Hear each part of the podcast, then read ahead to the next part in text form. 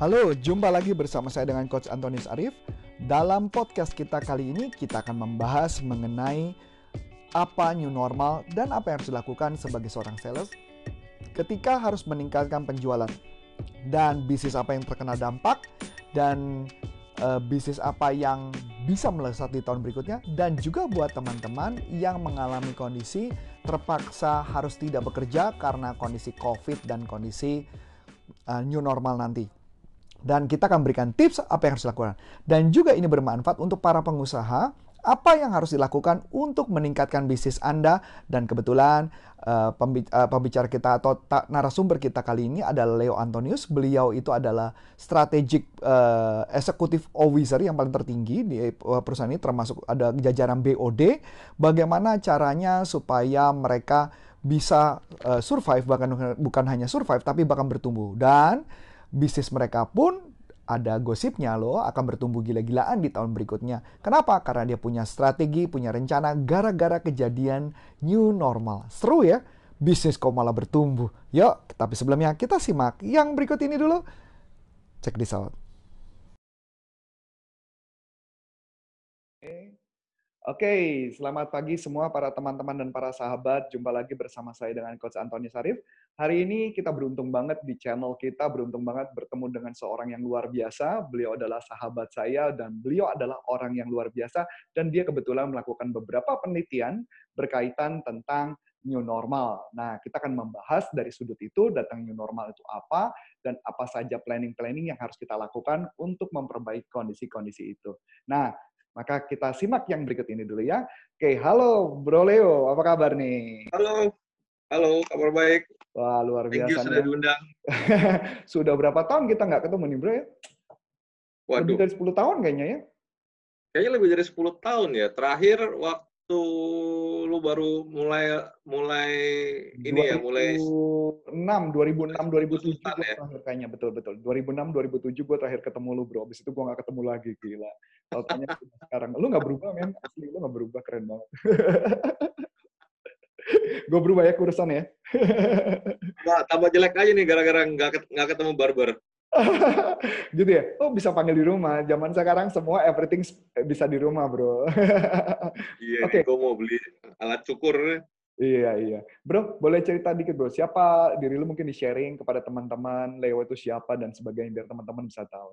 Dan bisa kasih tahu uh, apa, uh, lu bisa ketemu di mana, jadi orang pada nyari lu juga gampang nih. Gitu ya. Silakan.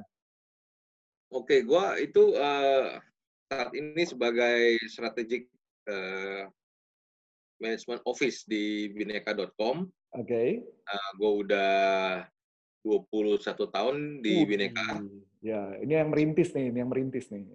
Kira-kira umurnya hampir sama lah. Eh enggak, kenal Arif udah dari sejak kuliah, jadi harusnya lebih lama lagi. ya, Bineka itu uh, adalah salah satu pionir e-commerce di Indonesia dan karena dia lebih banyak fokusnya itu di uh, eh, B2B dan ke government, mungkin teman-teman mm-hmm. itu uh, saat ini jarang mendengar Bineka gitu karena dia tidak banyak fokus di consumer hmm. seperti toko-toko e-commerce online yang lainnya. Nah, hmm. tetapi sebenarnya uh, Bineka itu merintis e-commerce sejak tahun 98 Iya, betul betul. Jadi Masih uh, tuh. sudah salah satu yang tertua 23 tahun sedangkan Bineka sendiri umurnya sudah 27 tahun. Wah. Tapi nah, by the way ngomong-ngomong sekarang total karyawan berapa ya, Bro? Bineka. Karyawan Bineka sekarang hampir 900. Wih, dulu kayaknya zaman gua itu sama ketanal lama lu kayaknya belum sampai 50 ya, berarti 30-an ya. Malah sampai zaman belum ada toko dulu ya. Baru Betul. ada toko di Mangga Dua, ada toko di apa? Sudirman ya. Betul. EJ kalau nggak salah ya. Betul, baru 30-an dulu tahun 2000 awal. Iya. Sekarang udah 900. Hampir 900. Itu ngerjain apa aja sekarang Bineka itu? Paling besar itu di operasional karena hmm. uh, kita kan customer-nya itu B2B ya. B2B itu corporate itu rata-rata memang membutuhkan extra service. Oh, oke. Okay. Jadi jadi dari uh, end milesnya aja uh, delivery ini ya segala kita sudah kita lakukan sendiri belum Hmm. servisnya, Oh, belum serius? corporation itu Pengiriman sendiri sekarang layanan-layanan. semua? Kenapa? Pengiriman semua sendiri? Nggak semuanya sendiri, tapi sebagian besar masih sendiri. Wow, luar biasa. Cuma kalau kita eh, melayani government ya, itu kan perlu ada eh, dokumentasinya dan macam-macam itu hampir tidak mungkin bisa dilakukan sama third party. Hmm. Dan kalau bisa saya tanya itu, eh, Bineka masih bermain di dunia IT? Maksudnya produk-produk IT dan sebagainya? Eh, sekarang Bineka itu eh, fokusnya ada dua. Ya. Kita ada kita nggak sebut lagi IT, kita sebutnya 3C sekarang. Waduh, apalagi nih? Itu computer, communication, sama consumer electronic. Consumer Hmm. electronic itu seperti kayak TV, eh, Hmm. pokoknya eh, yang lebih ke sebenarnya nggak cuma consumer sih, komersial elektronik juga, tapi ya sebutannya bekerja 3C. 3C ya, keren ya. Itu keren. kayak gadget, handphone, tablet, segala. Jadi kita ada dua divisi yang cukup besar, itu ada 3C sama MRO. Apa tuh MRO? Repair operasional itu eh, menjual barang-barang kayak eh, tools, eh, alat-alat yang lebih ke eh, model machinery, model eh, buat kayak ya dari yang alat model model alat grinder apa grinding buat buat kopi sampai buat Oh. buat potong kayu segala kita ada. Wih, canggih, canggih, canggih, canggih, Iya. keren, keren, keren, keren. So, dan jadi teman-teman yang belum pernah ke bineka.com mungkin masuk ke bineka.com, bukan bukan bukan harus apa, bukan eh, ini ya, tapi harus bukan mungkin, tapi harus masuk ke bineka.com. Bahkan kalau nggak salah kemarin Bineka sempat membuat untuk apa masker yang harganya cuma 1000 perak kalau nggak salah ya. Iya. Jadi ada ada campaign itu kita melakukan eh, penjualan masker harga cuma 1000. Setiap ada yang beli itu setiap saat beli ada yang beli satu, kita akan mengirimkan satu ke eh, untuk didona untuk didonasikan. Wah keren ya, keren keren tuh. Nah itu tuh, jadi sampai masker, sampai saya juga kaget, wah kok ada masker dan sebagainya ya. Nah ini sekarang Bineka ini, jadi buat teman-teman yang tidak tahu bahwa Anda bisa belanja online, Anda bisa belanja eh, semua yang berkaitan tadi ya, 3C tadi, komputer, komunikasi, berarti handphone ya, mobile gitu, mobile phone, dan terakhir adalah consumer, consumer produk ya, consumer apa ini, consumer elektronik, Elektronik dah. Elektronik ya, seperti kayak oven gitu juga ada berarti ya. Betul. Jadi elektroniknya itu memang kita 3C itu consumer elektronik, tapi sebenarnya eh, banyak yang kita jual itu adalah barang-barang yang komersial yang buat eh, hotel, buat restoran. Oh, lebih fokusnya ke sana. Kalau TV yang kita ngomong TV-nya itu eh, bukan TV yang ada di rumah masing-masing ya, tapi TV yang memang kayak lebih mirip ke digital signage sebenarnya. TV yang digunakan buat Oh, eh, di lobi, yang ada di bandara, oh. yang ada di stasiun kereta, itu adalah TV-TV seperti itu. Nah, berarti nah yang para teman-teman yang lagi nonton channel ini cocok banget nih karena kalau yang ngomongin corporate pasti ngomongnya ke sini ke bineka.com saja daripada bingung-bingung cari produk. Kebetulan sebelum tadi kita rekam saya juga nanya-nanya tentang beberapa barang ternyata bineka.com punya. Loh, saya juga kaget gitu karena dulu mainnya ke consumer ya kan dulu ingat banget mainnya ke consumer, user dan sebagainya. Sekarang naik level nih. Banyak kan ke corporate. Jadi kalau orang corporate susah cari produk, cari ke bineka.com. Promosi terus ini. Oke, Bro. Nah, aku mau diskusi sedikit. Ke, aku gue terus terang tertarik banget ketika melihat status lu di LinkedIn.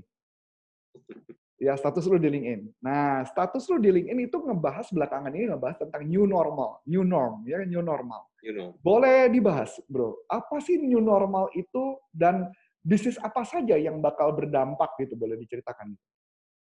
Ya, jadi eh, sebelum kita bicara mengenai the next normalnya itu ya, kita mungkin perlu melihat juga adalah sekarang bisnis apa sih yang paling banyak kena impact Mhm. di selama pandemi ini. Hmm. Jadi eh, banyak berbagai macam ko- pendapat komentar orang di, di di dunia itu ya. Tapi memang yang paling berdampak untuk Indonesia paling pertama sudah pasti turis, Hmm, tourism. setuju, tourism. Pariwisata kita eh, babak belur banget. Hmm. Kebetulan kita juga ada teman-teman yang berga yang eh, banyak ada di industri ini, termasuk Ya, kita ya. punya customer dan lain-lain.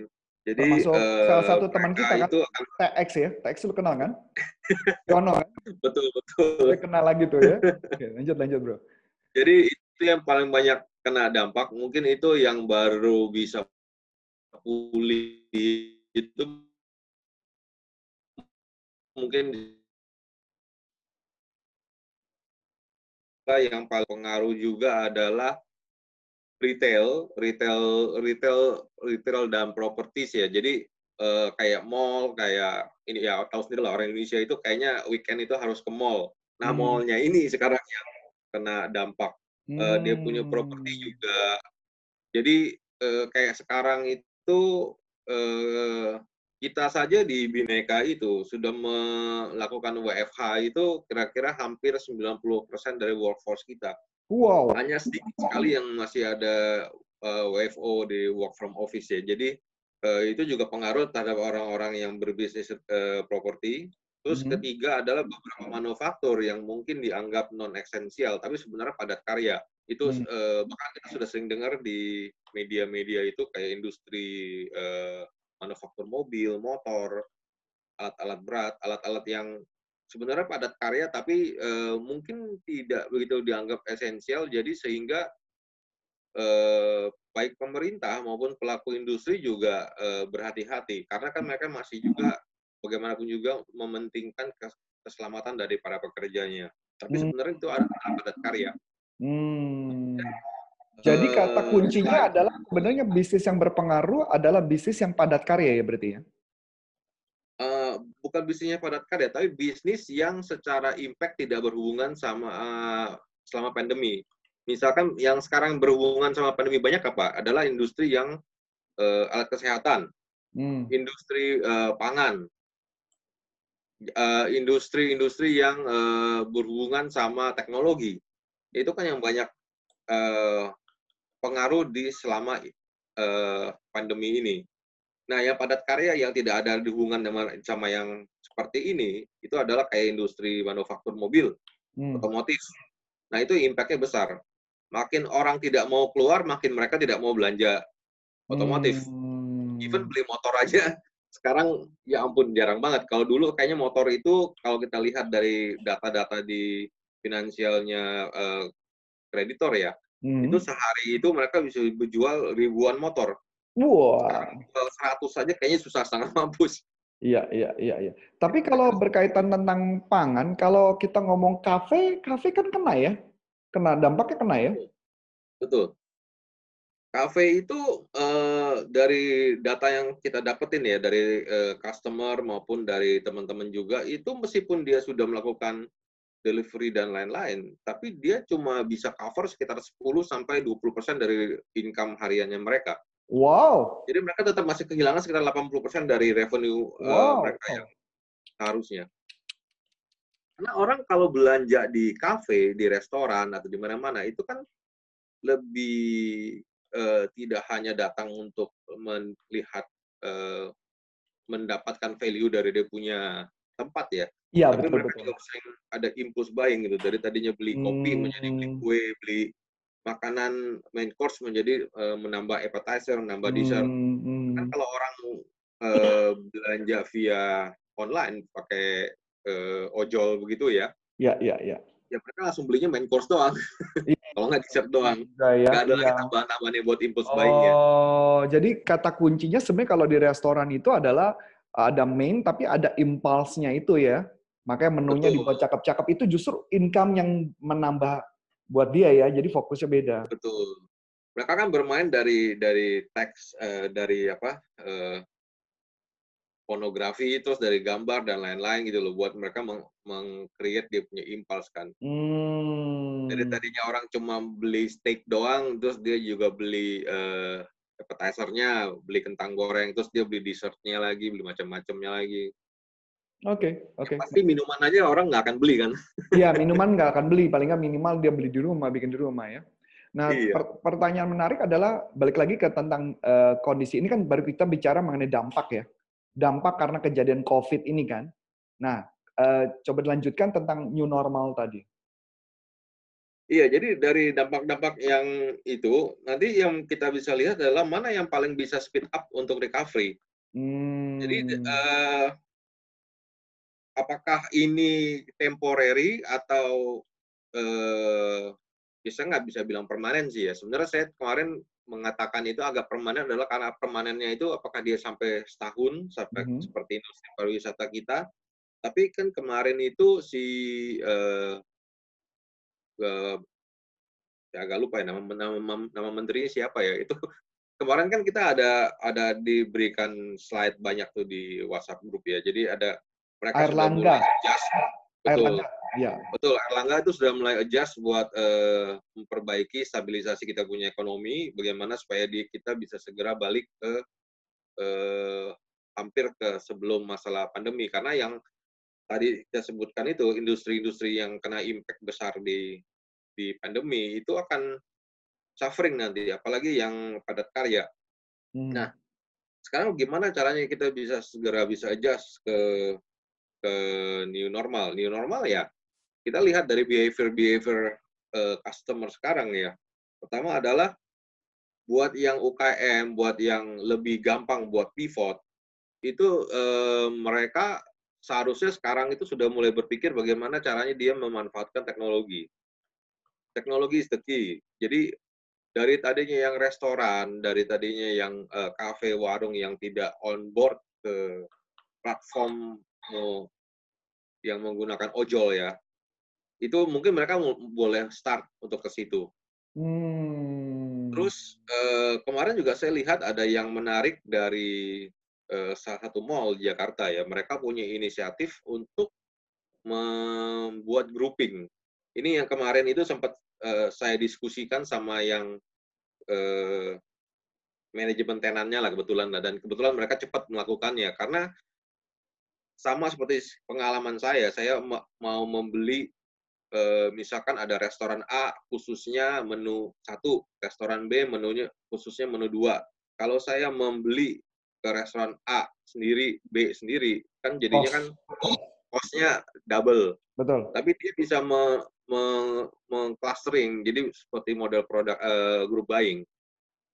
Saya cuma ngom, cuma ngomong ke satu titik, dia bisa pesanin ke restoran A, B, C, D di dalam mall yang sama. Wih, cakep. Dan itu sudah ada di salah satu aplikasi ojol ya. Dan Nama, namanya apa tuh?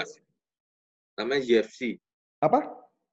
Uh, eh, GFC. Jadi dia uh, nama na, nama tokonya ya. Kalau di di Gojek juga GFC. Jadi kita cari uh, eh. GFC saja gitu ya?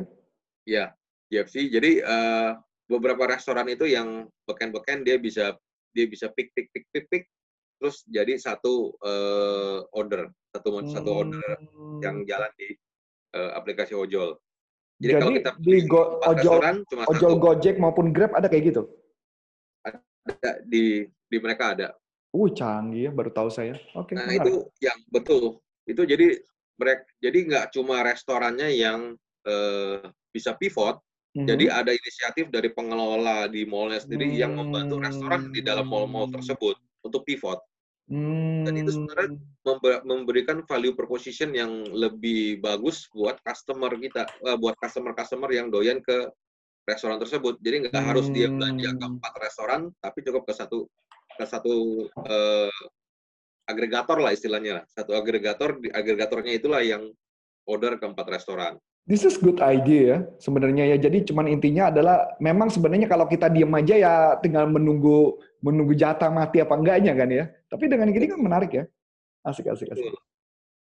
Terus uh, berikutnya adalah kalau dia uh, kita mau ke new normal itu ya sebenarnya kan dari saat sekarang kita sudah punya rencana-rencana kerja yang memang untuk memitigasi dan untuk e, membantu kita melewati selama masa pandemik.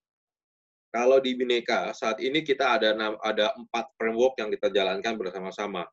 Jadi e, pertama ini harus dilakukan di level company. Jadi nggak cuma karyawannya doang, nggak cuma ini, tapi mesti pemilik dan uh, seluruh top manajemennya itu bersama-sama uh, fokus ke dalam uh, framework ini. Hmm. Kalau kita misalkan pertama itu uh, kita yang priority adalah put people safety.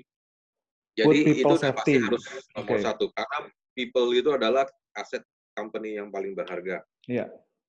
Jadi uh, banyak usaha-usaha dilakukan di put people safety ini, misalkan bagaimana menerapkan protokol uh, WFO atau WFH. Yang WFO jaraknya mesti berapa, kayak masker lah, sebelum sebelum datang ke kantor mesti ditembak pakai scanner lah, seragam dan lain-lain. Yang WFH juga bagaimana kita bisa tetap uh, me memonitor produktiviti orang-orang yang WFH. Bagaimana hmm. mereka kita bisa hmm. yakinkan bahwa semua grup itu meskipun tersebar-sebar, tapi tetap bisa uh, produktif uh, bekerja di rumah dan achieve goal yang sama. Dan nah, itu kan perlu dibantu boleh, dengan uh, beberapa tools-tools yang nah, tersedia. Boleh di-sharing nggak kira-kira tool-tools apa aja? Siapa tahu Bineka juga jual toolsnya? Uh, Khususnya kan ada problem yang harus monitoring. Iya, apa tuh? Sebenarnya simple. Kalau Bineka ya karena kita sudah uh, cukup ini kita pakai banyak tools yang beredar dari dari yang uh, management tools, kita punya Haris, kita punya OKR, kita punya uh, Happy Five, kita, kita punya macam-macam lah. Ada kita bisa pakai buat monitor, ada Jira, ada Trello, ada hmm. aplikasi sebenarnya banyak. Tapi sampai yang minimal minimalnya pakai spreadsheet model Excel aja yang kita bisa punch in setiap hari aja itu sudah jauh lebih baik. Oke, jadi buat company-company kalau misalkan dia bingung bisa minta konsultasi sama Bineka ada dong ya? Bisa, bisa. Wah, mantap bisa. tuh. Bineka punya jawaban karena memang saya tahu banget nih, uh, Bro. Karena ada teman saya yang berusaha di perusahaan company corporate apa corporate IT pun kadang-kadang dia juga bingung lucu juga buat saya. Bahkan dia bingung, ini gimana caranya saya memonitor mereka kerjanya apa di komputer, ngapain aja. Bahkan mereka nggak tahu apa harus dilakukan. Lucu-lucu, ini lucu banget. Makanya saya ketawa-tawa. Makanya ketika saya tanya, kok uh, Bineka punya punya apa? Punya solusinya. Ini benar loh. This is, you know kan, aku dulu kerja di perusahaan IT, bahkan yang sebelumnya lagi pada kerja di perusahaan IT. Dan itu mereka lagi bingung loh. Jujur mereka lagi bingung. This is menarik ya.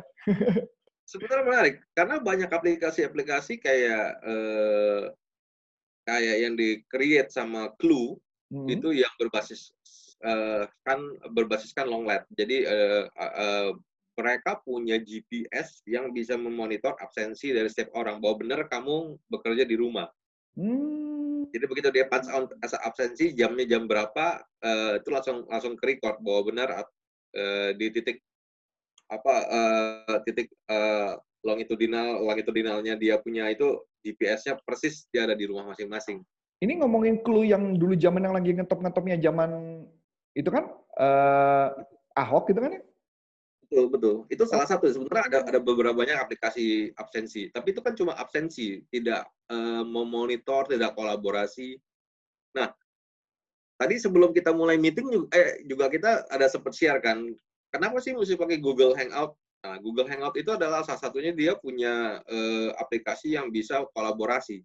Hmm. Jadi kolaborasi antara saya bisa kasih kerjaan ke ke Arif gitu loh. Hmm. Dia bisa pantau oh Arif mengerjakannya sampai titik A, B, C, D. Sedangkan ada lagi si Bambang kerjain sampai D, E, F. Siapa lagi bisa kerja lagi sampai lanjut, lanjut, lanjut bisa kelihatan bahwa itu progresnya memang ada. Pakai apanya tuh di Google Google itu? Google oh, Plus. Ya?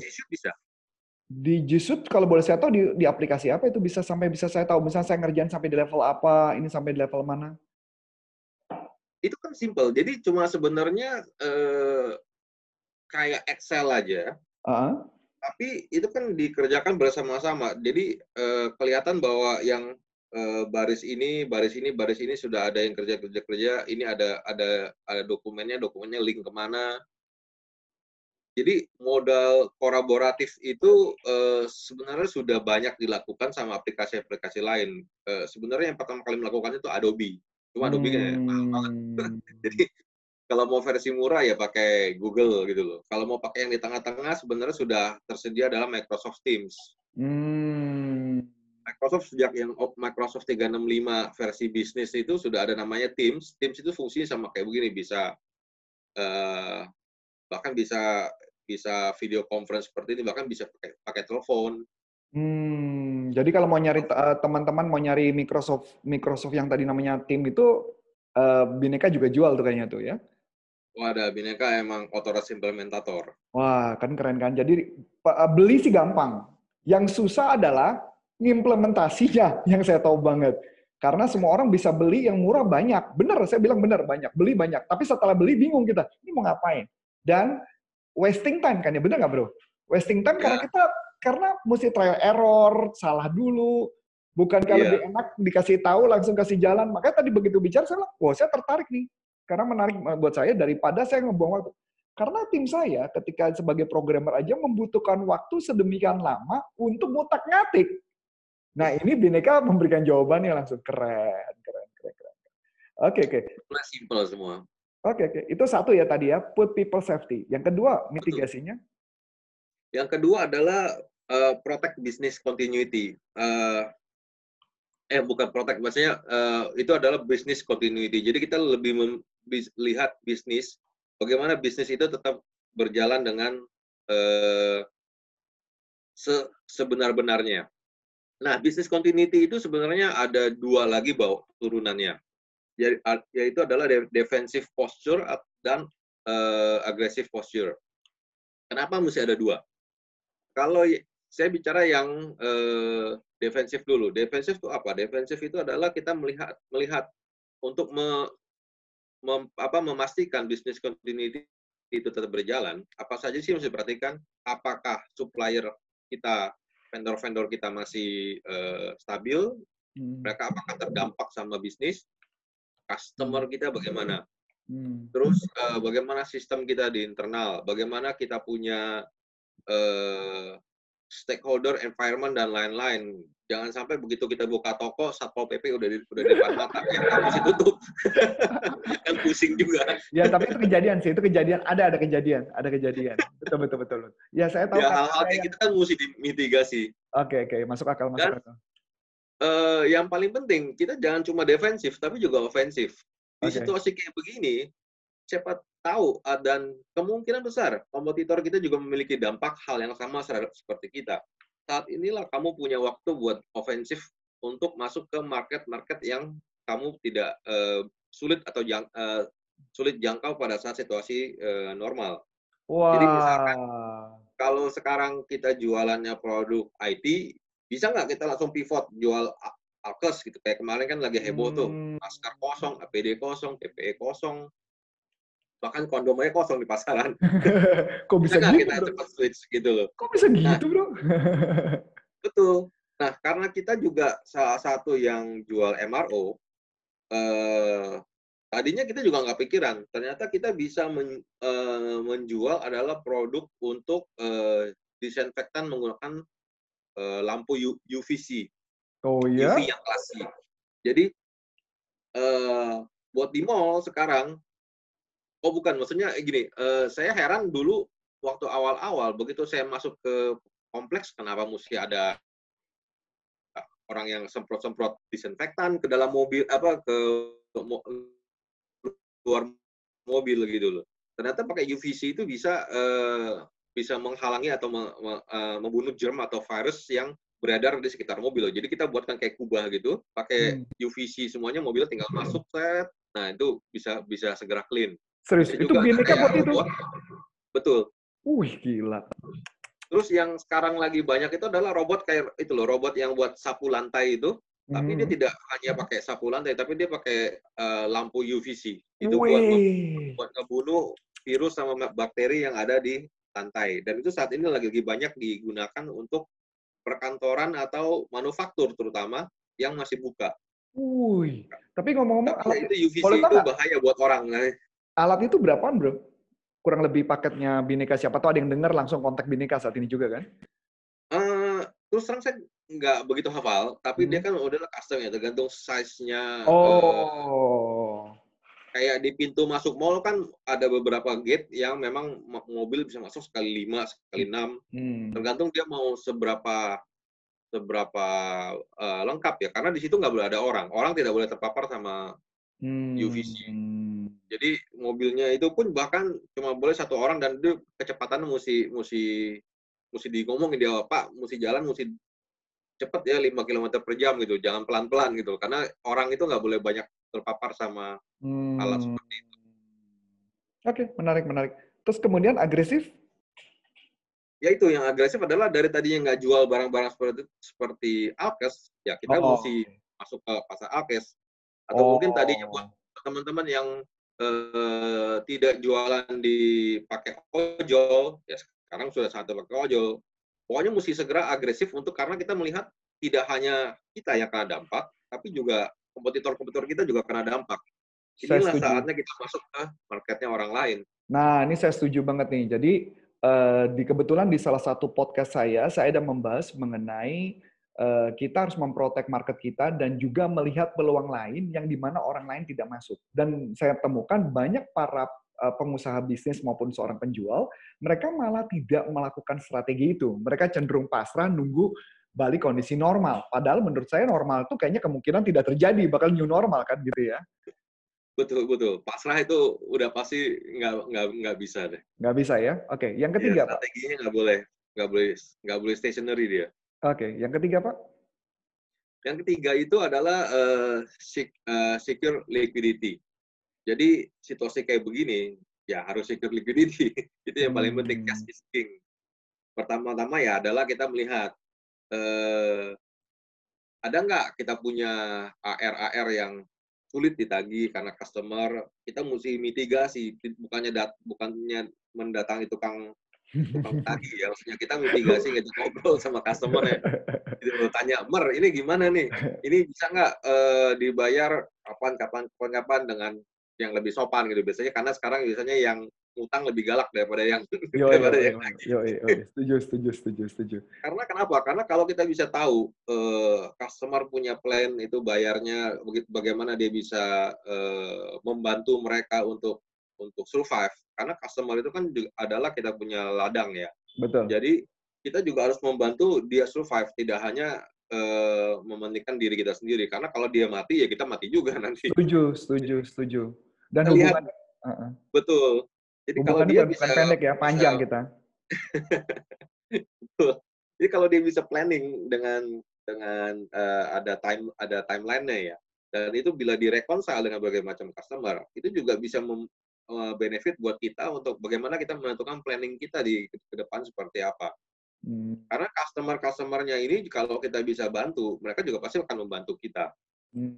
Kedua juga kita, jangan hanya lihat customer, kita juga harus membantu eh, supplier kita juga gitu. Hmm. Jadi kadang-kadang beberapa bisnis itu juga mereka kan eh, harus saling sinergi ya. Setuju. Jadi kalau customernya eh, kesulitan, tentunya kita kesulitan. Kita Ya. kesulitan, tentunya vendor kita kesulitan juga. Iya, Nah itu saya harus selalu dilihat. ya, saya percaya itu tentang Bineka. Saya percaya tentang itu Bineka karena itu Bineka banget dari dulu tuh. ya, lanjut lanjut. Betul. Kemudian yang eh, paling sulit adalah eh, mitigasi masalah cost. Jadi Oke. dari karena cost itu eh, tidak simple. Memang sih listrik, air segala di kantor karena tidak beroperasi akan berkurang. Tapi cost yang paling besar 60-70% dari cost cost company itu adalah dari eh, human capital. Hmm.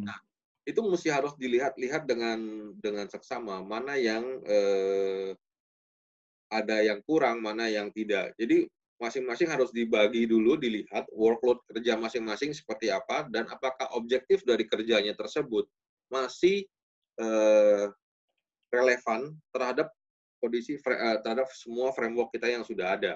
Hmm. Apakah dia bisa nambah nambah market, apakah dia mempertahankan market, apakah dia bisa mengurangi cost. Karena kan hidupnya itu cuma yang penting adalah bagaimana eh, kita juggling ya antara revenue sama cost gitu loh. Jangan sampai Paham, paham. Bisa dimengerti. itu besar daripada revenue gitu. Ya, Karena mengerti, bagaimanapun mengerti. juga ini tergantung sama industri kamu di sektor mana. Kamu bisa lihat Hmm. bahwa eh, makin kamu ke dekat yang yang eh, impactful seperti pariwisata, seperti restoran, seperti manufaktur yang tidak relevan. Nah, itu makin panjang kamu akan recovery-nya. Hmm. Makin panjang kamu recovery, kamu makin panjang juga membutuhkan eh, nafas buat menghidupi bisnisnya. Oke, masuk akal. Masuk Nah, akal. itu yang mesti diperhatikan, secure liquidity itu. Oke, oke. Yang keempat, Pak? Yang keempat itu adalah eh, stakeholder communication, itu paling penting. Nah, dari company itu ada melihat semua stakeholdernya yang eh, siapa saja. ya pasti pertama adalah internal karyawan sendiri. Hmm. Kedua adalah uh, customer, ketiga supplier, keempat Hmm. mungkin ada shareholder, kelima mungkin ada uh, community. Hmm. Nah, itu juga mesti dilihat bagaimana kita mengkomunikasikan kita punya bisnis kepada semua. Hmm. Komunikasi itu juga mesti benar, terarah, dan terutama buat yang karyawan. Jangan sampai semuanya eh, bingung gitu loh. Hmm. Ini kok si bos diam-diam aja gitu. Hmm. Ini udah udah pandemi, udah bulan ketiga, tapi kita masih nggak ada ngapa-ngapain gitu. Ini masih ada apa enggak di perusahaan gitu ya? Terus customer juga, nah paling penting customer gitu loh. Karena customer-customer ini belum tentu semua customer kena dampak kan. Ada juga industri-industri yang tidak kena dampak. Kalau mereka berasumsi kitanya kena dampak, padahal kita, padahal kita enggak, nah kan lebih repot dia menghentikan order atau memindahkan order ke kompetitor kita yang lain. Gitu. Masuk akal yang tadi berkaitan non ofensif tadi kan ya? Betul. Vendor juga sama. Vendor kita juga bingung kan ini customer yang ini masih hidup apa enggak gitu. kalau, kalau dia nggak hidup nanti uh, kita punya forecast stok dipindahkan ke kompetitor kita hmm, repot oh, juga kan. Oh, berarti sebenarnya selain memang kita melakukan CSR yang pakai masker tadi, itu juga sebenarnya untuk menunjukkan kondisi bahwa we are, kita masih ada loh. Betul, stay relevan. Ah, cakep, cakep. Stay relevan.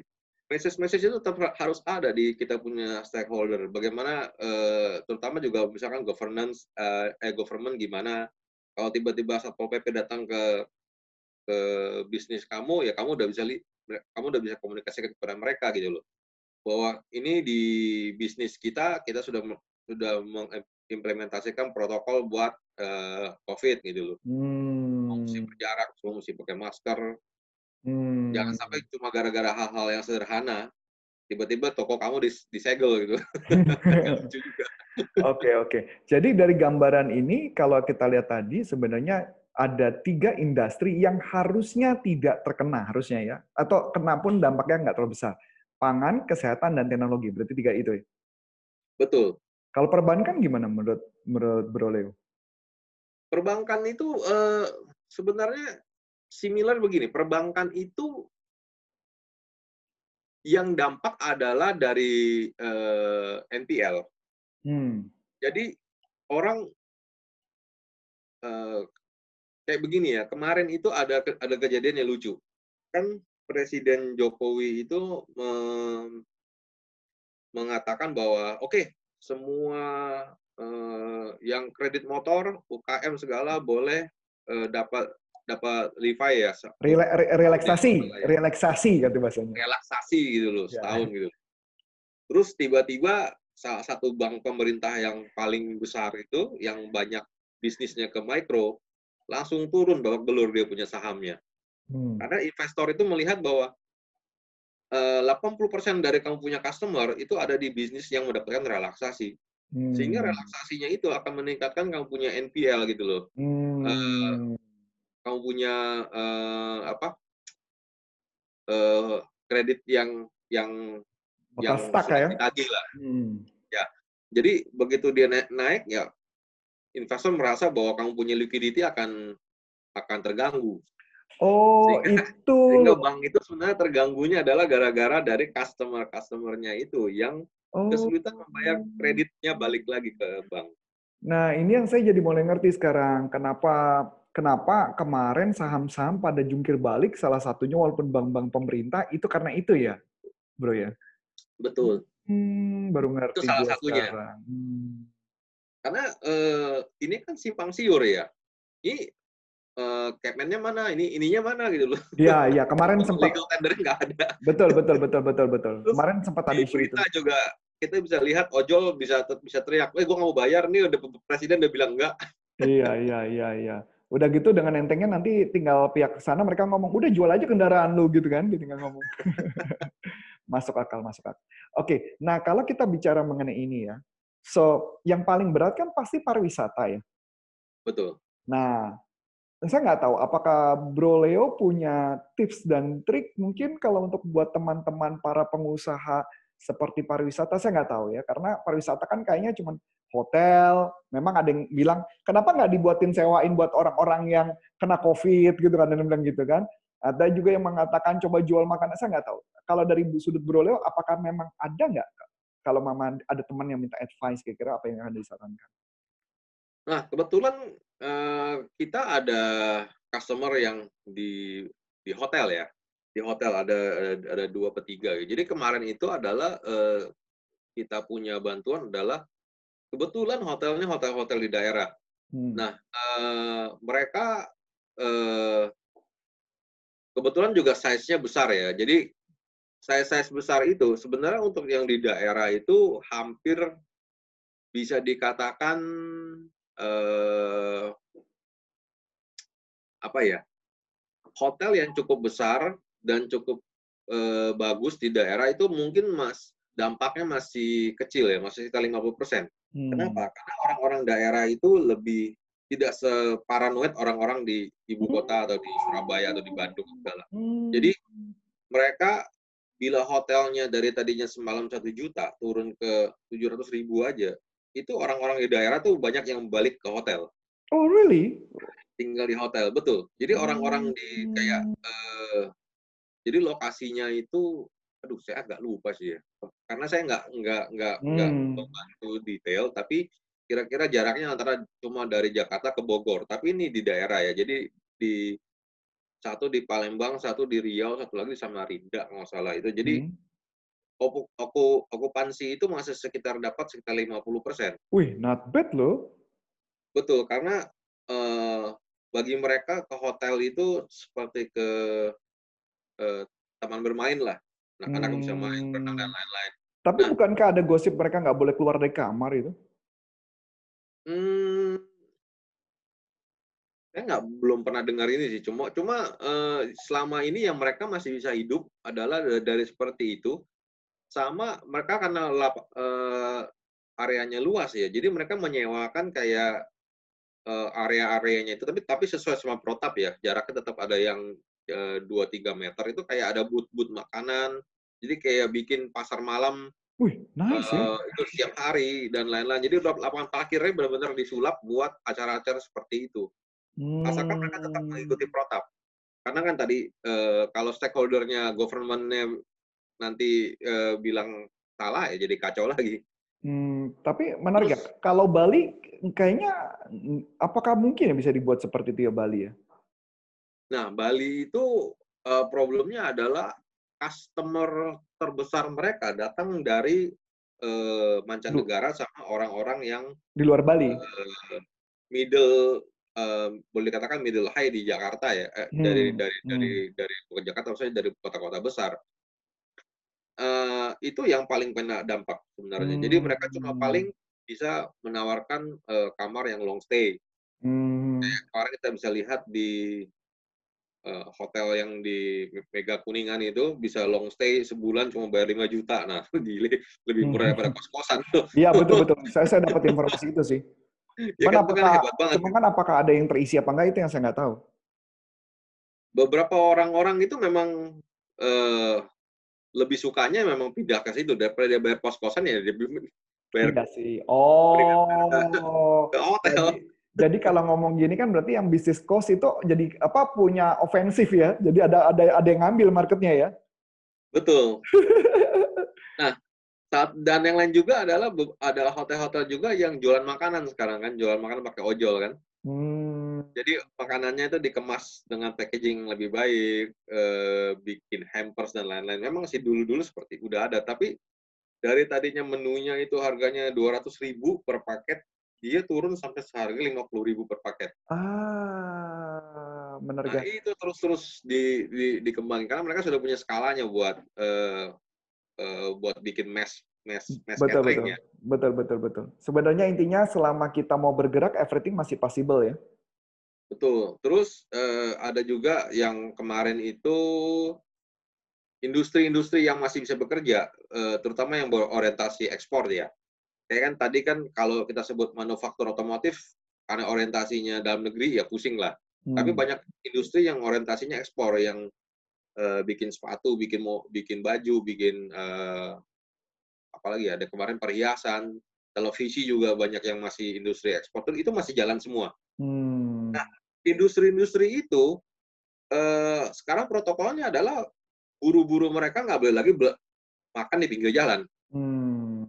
Kalau dulu kan cuma tinggal pinggir jalan, gerombol tuh di warung-warung sekitarnya. Memang sih itu mematikan ek ekonomi lokal sih. Iya, iya mau nggak mau, nggak mau. Karena sekarang protokol COVID, jadi nggak boleh makan di luar. Hotel-hotel itu banyak mengambil catering-cateringnya mereka.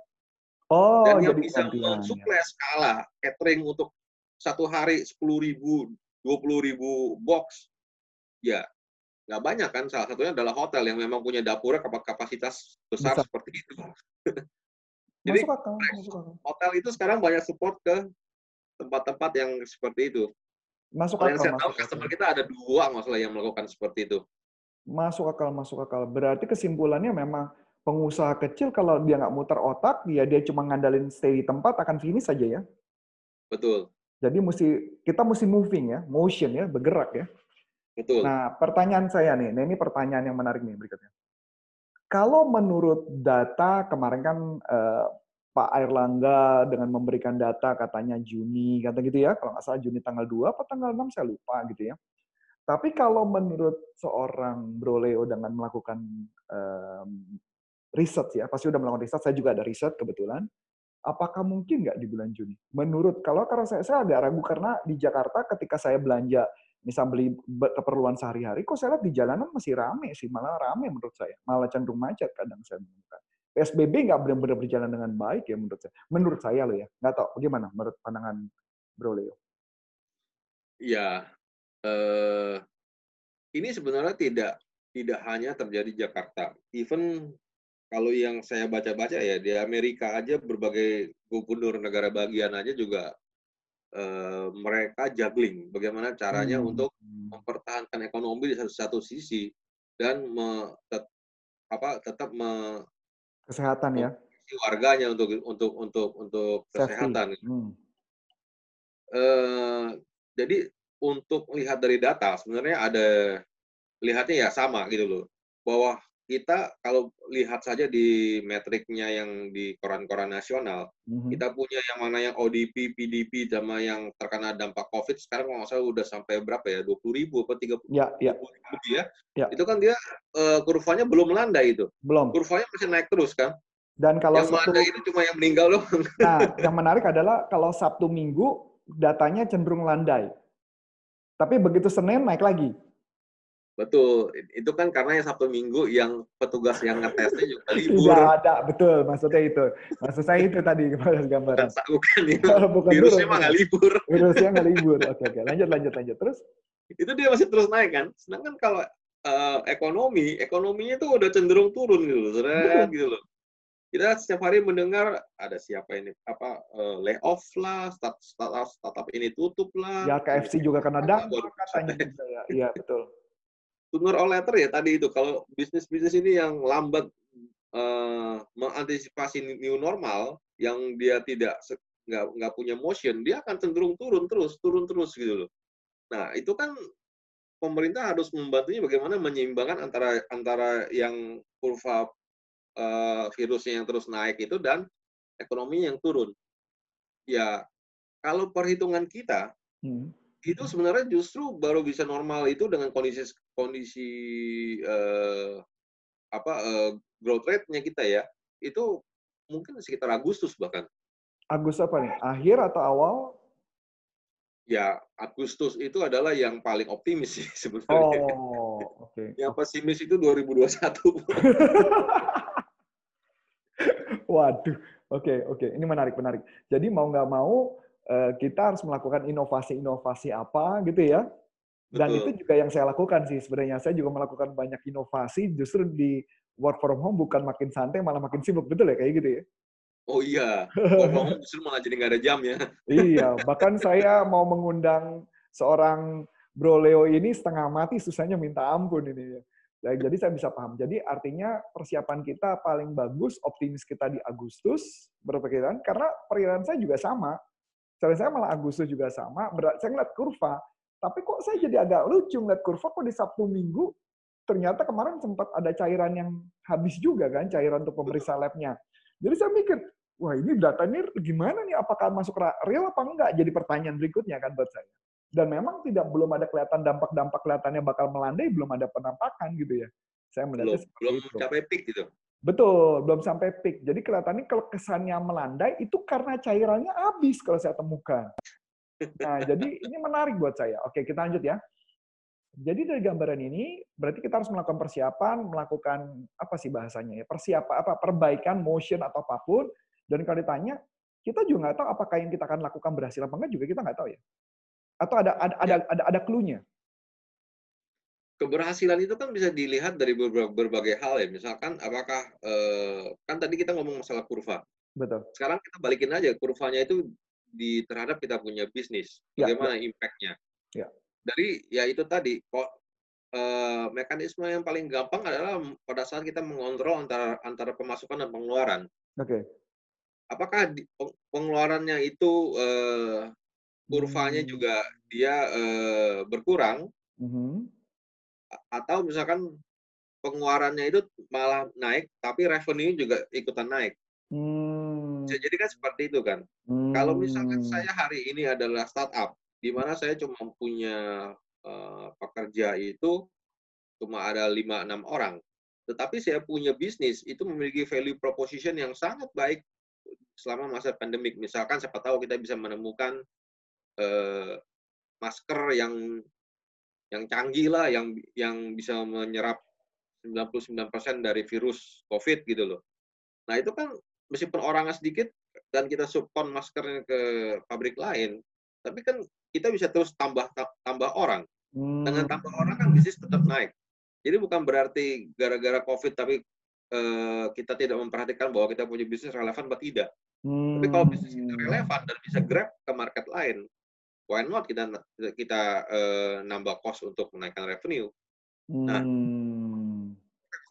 kalau kita punya impact-nya benar atau tidak, ya dengan kita melakukan monitoring, hmm. apakah usaha-usaha kita dari empat framework yang tadi sudah disebutkan itu bisa uh, menekan cost kita dan membuat kita tetap hidup, atau menekan cost kita dan tetap membuat revenue kita tetap naik. Oke, jadi patokan rumusnya sederhana, liatin kurva dulu. Kalau kurva kita terus naik, berarti income kita naik dan cost kita juga cenderung uh, ya mengikuti lah ya kita bisa bahasa bilang mengikuti lah ya ketika naiknya yeah. asal bagus asal jangan sampai costnya lebih tinggi daripada itu berarti kita sudah dalam kondisi dangerous gitu ya bahasanya gitu ya yeah. lebih ya as simple as that ya as simple as that kalau kita mau tetap stay at least cost kita tetap di tetap di maintain supaya bisa turun Oke. Okay. Karena makin di costnya turun, makin banyak kita punya spare cash untuk kita punya hidup.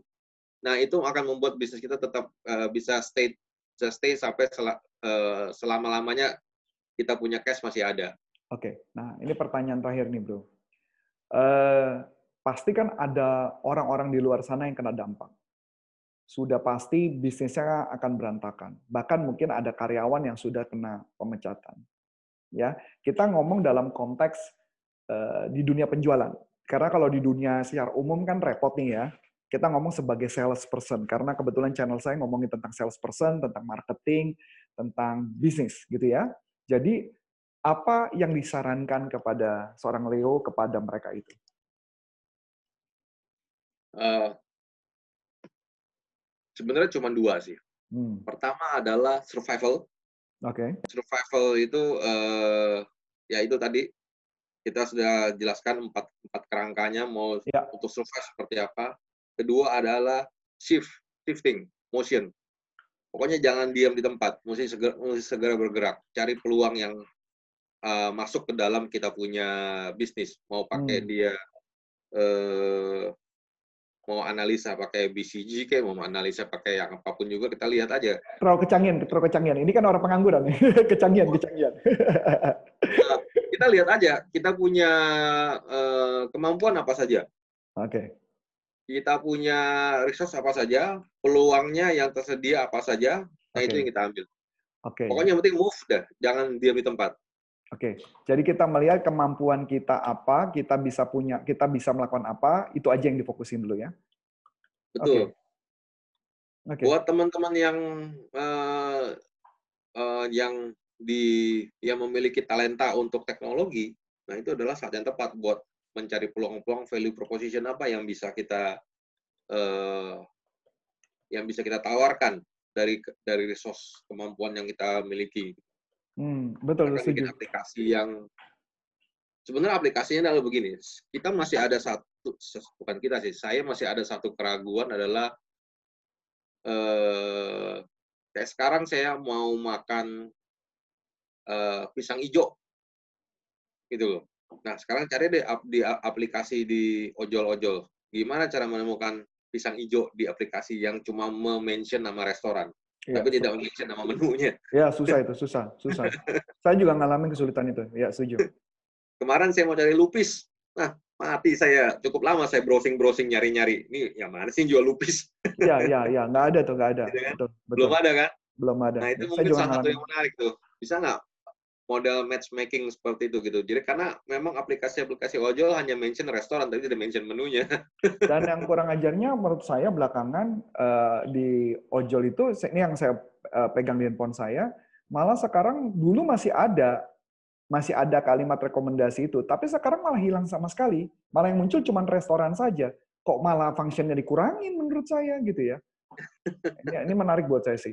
Tapi ini this is good good idea karena ya kebetulan di perusahaan saya juga saya lagi nambah karyawan sih. Hmm, tuh kan.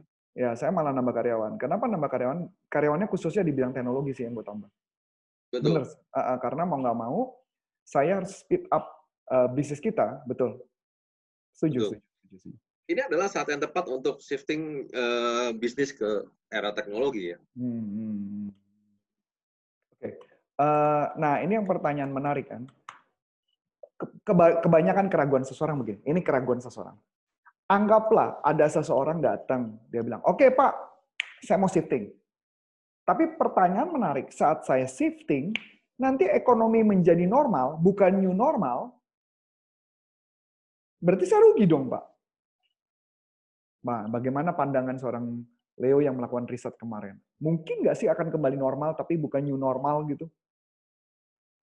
Eh, normal ke new normal, eh new normal balik lagi ke normal itu Ya. eh, mungkin mungkin saya terjadi, tapi menurut saya itu probabilitasnya eh, gini dari misalkan 100 komponen new normal, paling Hmm. yang bisa balik ke, ke normal itu paling cuma sekitar 7, 70 lah Pak maksi eh enggak mung- mungkin 60% kali maksimum. Hmm. Dasar Salah yang yang eh,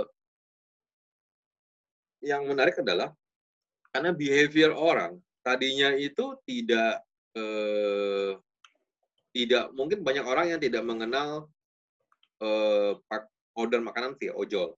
Sekarang lebih banyak orang yang menggunakan via ojol. Hmm, Orang yang tadinya membeli makanan itu mesti datang ke supermarket, sekarang bisa beli belanja di e-commerce. Betul, betul. Orang yang tadinya eh, harus bekerja itu da- datang ke kantor, Betul.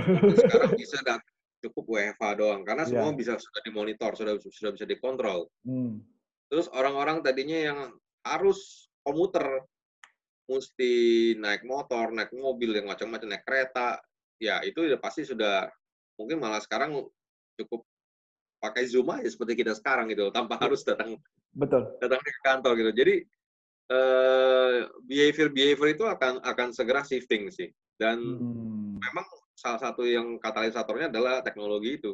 hmm.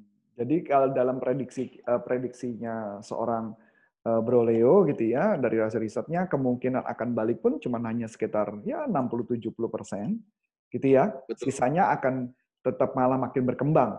Jadi kalau istilah kita kan teknologi ini memang bakal ada. Yang kita sekarang per hari ini kan memang teknologi ini bakal ada. Cuma cuman bedanya adalah kita nggak menduga bahwa teknologi ini datangnya jauh lebih cepat daripada seharusnya kan gitu aja. Tuh, kan digital transformation yang dipaksakan. Iya, ini bener-bener kayak kalau menurut saya saya sudah punya planning ini rencananya itu mungkin di tahun depan. Tapi ngeliat kayak gini kejadiannya dalam waktu minggu harus sudah berubah. Betul. Yes, yes, yes, yes, yes. Menarik, menarik, menarik, menarik. So, Sekarang order makanan aja kalau mau datang ke ka- kasir aja kalau kalau bisa ngomongnya dari jarak jauh bayarnya pakai itu payment elektronik. iya cashless, cashless betul.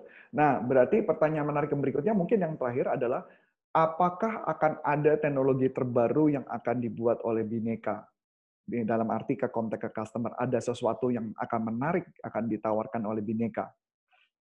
Kita dari sisi Ada sebenarnya kita lagi ada project sebenarnya itu Hmm. adalah membuat eh, Bineka itu saat ini eh, ada store, ada offline store Ya. Yang kondisinya saat ini adalah terdampak sama ya COVID juga karena mallnya tutup.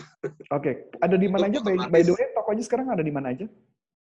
Sekarang ada di Mangga 2, Ratu Plaza, ada di eh, Ambassador, Point Square, Surabaya juga kita ada ada ada satu. Nah, kecuali yang di Gunung Sahari dan di Surabaya karena itu ada di kita, kita punya office ya. Eh, yang di mall itu practically udah hampir tidak ada tidak ada customer yang datang dan memang jualannya itu sekarang berdasarkan dari customer-customer yang dipegang sama anak-anak store. Hmm. Nah, mereka jualannya ya udah karena bisa via WhatsApp jualan, ya udah nggak perlu store lagi jadinya. Oh, Nah. oke. Store ini nantinya akan bertransformasi menjadi eh, kita sebutnya adalah eh, apa ya kayak hook up point lah. Jadi tadinya store-store ini ada di mall, nantinya adanya di area-area yang dekat sama customer-customer kita di bidang industri dan manufaktur. Hmm. Jadi, eh bentuknya kayak kita bisa sebut adalah bentuknya kayak food court lah. oh. Kayak food court tapi eh, di dalamnya itu ada ada barang-barang kayak terisi sama eh, MRO dan beberapa barang-barang dari kita punya vendor. Itu lokasinya ada di beberapa, berbagai eh, daerah, daerah yang manufaktur. Jadi untuk supply dan kirim kirim ke customer kita juga jadi lebih mudah. Dan itu Hmm. ada ada tersebar sekitar yang baru itu mungkin sekitar 4 sampai 5 titik lah di sekitar kayak point point of delivery-nya gitu ya. Tapi bukan point of sales ya. Uh, point of sales-nya sudah hampir tidak ada, dia cuma point of delivery. Point of Oke. sales-nya itu sudah dilakukan secara digital seperti kita sekarang. Hmm, keren, keren. Jadi sales-nya saya gitu loh, Arif customer-nya ya tanya mau apa gitu loh, barang-barang ini ya saya cuma tinggal lihat di sistem. Oke, barang ini ada di Karawang, barangnya ada ada, ada di Cikampek. Nanti ya orang yang dari sana yang dispatch sendiri ke customer. Oke, nah eh, berkaitan dengan behavior sales nih, behavior sales. Karena saya tahu Bineka ini adalah orang high tech ya, high tech. Pertanyaannya adalah kan kalau sebelumnya kalau kita toko kan jelas ya, orang datang, kemudian disapa, kemudian kita jualan, betul ya? Nah kalau sekarang tadi dikasih tahu bahwa sekarang metode- metodenya pakai handphone, ya handphone di chatting dan sebagainya. Nah kalau meeting-meeting project, adakah behavior yang berubah cara melakukan proses sellingnya, selling cycle-nya, prosesnya? Behavior-nya cuma berubah adalah dari tadinya face to face ya ke online. Hmm, Tapi dia punya prosesnya tidak berubah kan? proses tidak berubah. Dan ada tingkat kesulitan yang berbeda nggak yang dihadapi oleh para teman-teman sales di Bineka? Ya, yang paling sulit adalah karena kita orang Indonesia itu kita adalah makhluk-makhluk sosial. Iya, betul, betul, betul. Kayaknya kalau nggak ketemu face to face itu nggak ya? salaman, kayaknya nggak afdol gitu loh. Ya, ya, ya, ya, ya, ya. Belum lagi misalkan eh, kadang-kadang customer juga eh, agak kesulitan ya untuk menjelaskan apa sih yang dia inginkan gitu loh. Hmm. Jadi kalau dia kalau dia eh, bisa menjelaskan dengan clear itu akan lebih mudah. Kedua juga sebenarnya sama kayak sekarang dialami sama edukasi online. Hmm. Nggak cuma orang tuanya yang gaptek, gurunya juga gaptek gitu. Sama juga Iya, customer kadang-kadang suka gaptek. Ya, ya, Jadi- ya, ya, betul. Buat me, mengapa menjelaskan dan menggunakan kayak aplikasi kayak Jamboard yang bisa tulis-tulis. Yang ada juga dia nulis-nulis sendiri terus terus, terus tulis gambarnya di di di, di, Ya, di saya ya, kayak ya. gini loh. Ya, ya, ya. ya. Ya, kalau ya jam, sebenarnya seperti itu saja sih. Jamboard itu berarti kan mesti pakai kayak model tab dan iPad gitu ya? Yang atau Iya, touchscreen ya? mouse bisa sih cuma ru- rumit aja. Iya, iya betul betul betul. Oh, Iya berarti mau nggak mau berarti notebook yang berkaitan dengan touchscreen akan makin sellable ya harusnya ya kalau mama kita Betul, dikonekkan dengan Jamboard ya. betul. Hmm, menarik menarik menarik menarik. Oke, Bro Leo, thank you banget. Kayaknya nih informasi udah banyak banget. Ya, saya udah seneng banget ini dapat informasi. Saya yakin juga para teman-teman juga dapat informasi banyak banget dari seorang Bro Leo nih. Ya, nanti kalau mau nyari Bro Leo, nyari ke mana nih? Pasti Nyari saya aja. tahu kalau nyari langsung susah pasti. Tapi kalau mau cari informasi di channel atau mungkin di LinkedIn atau apa gitu, nanti biar saya masukin saya tuliskan nanti di bawah ini gitu. Ya di LinkedIn sebenarnya paling gampang sih. Cari aja nama saya Leo Antonius, bukan Leo. Leo of Judah ya. Ini saya Ya, juga ya. susah nih gantinya. Ya nggak apa-apa.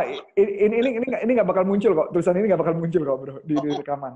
Jadi nanti Leo eh, Leo Antonius cari di LinkedIn dan Ya LinkedIn. Uh, tapi memang jangan kaget ya teman-teman ya kalau tulisannya nanti bahasa Inggris melulu karena di sana dia bahasa Inggris semua tulisannya ya.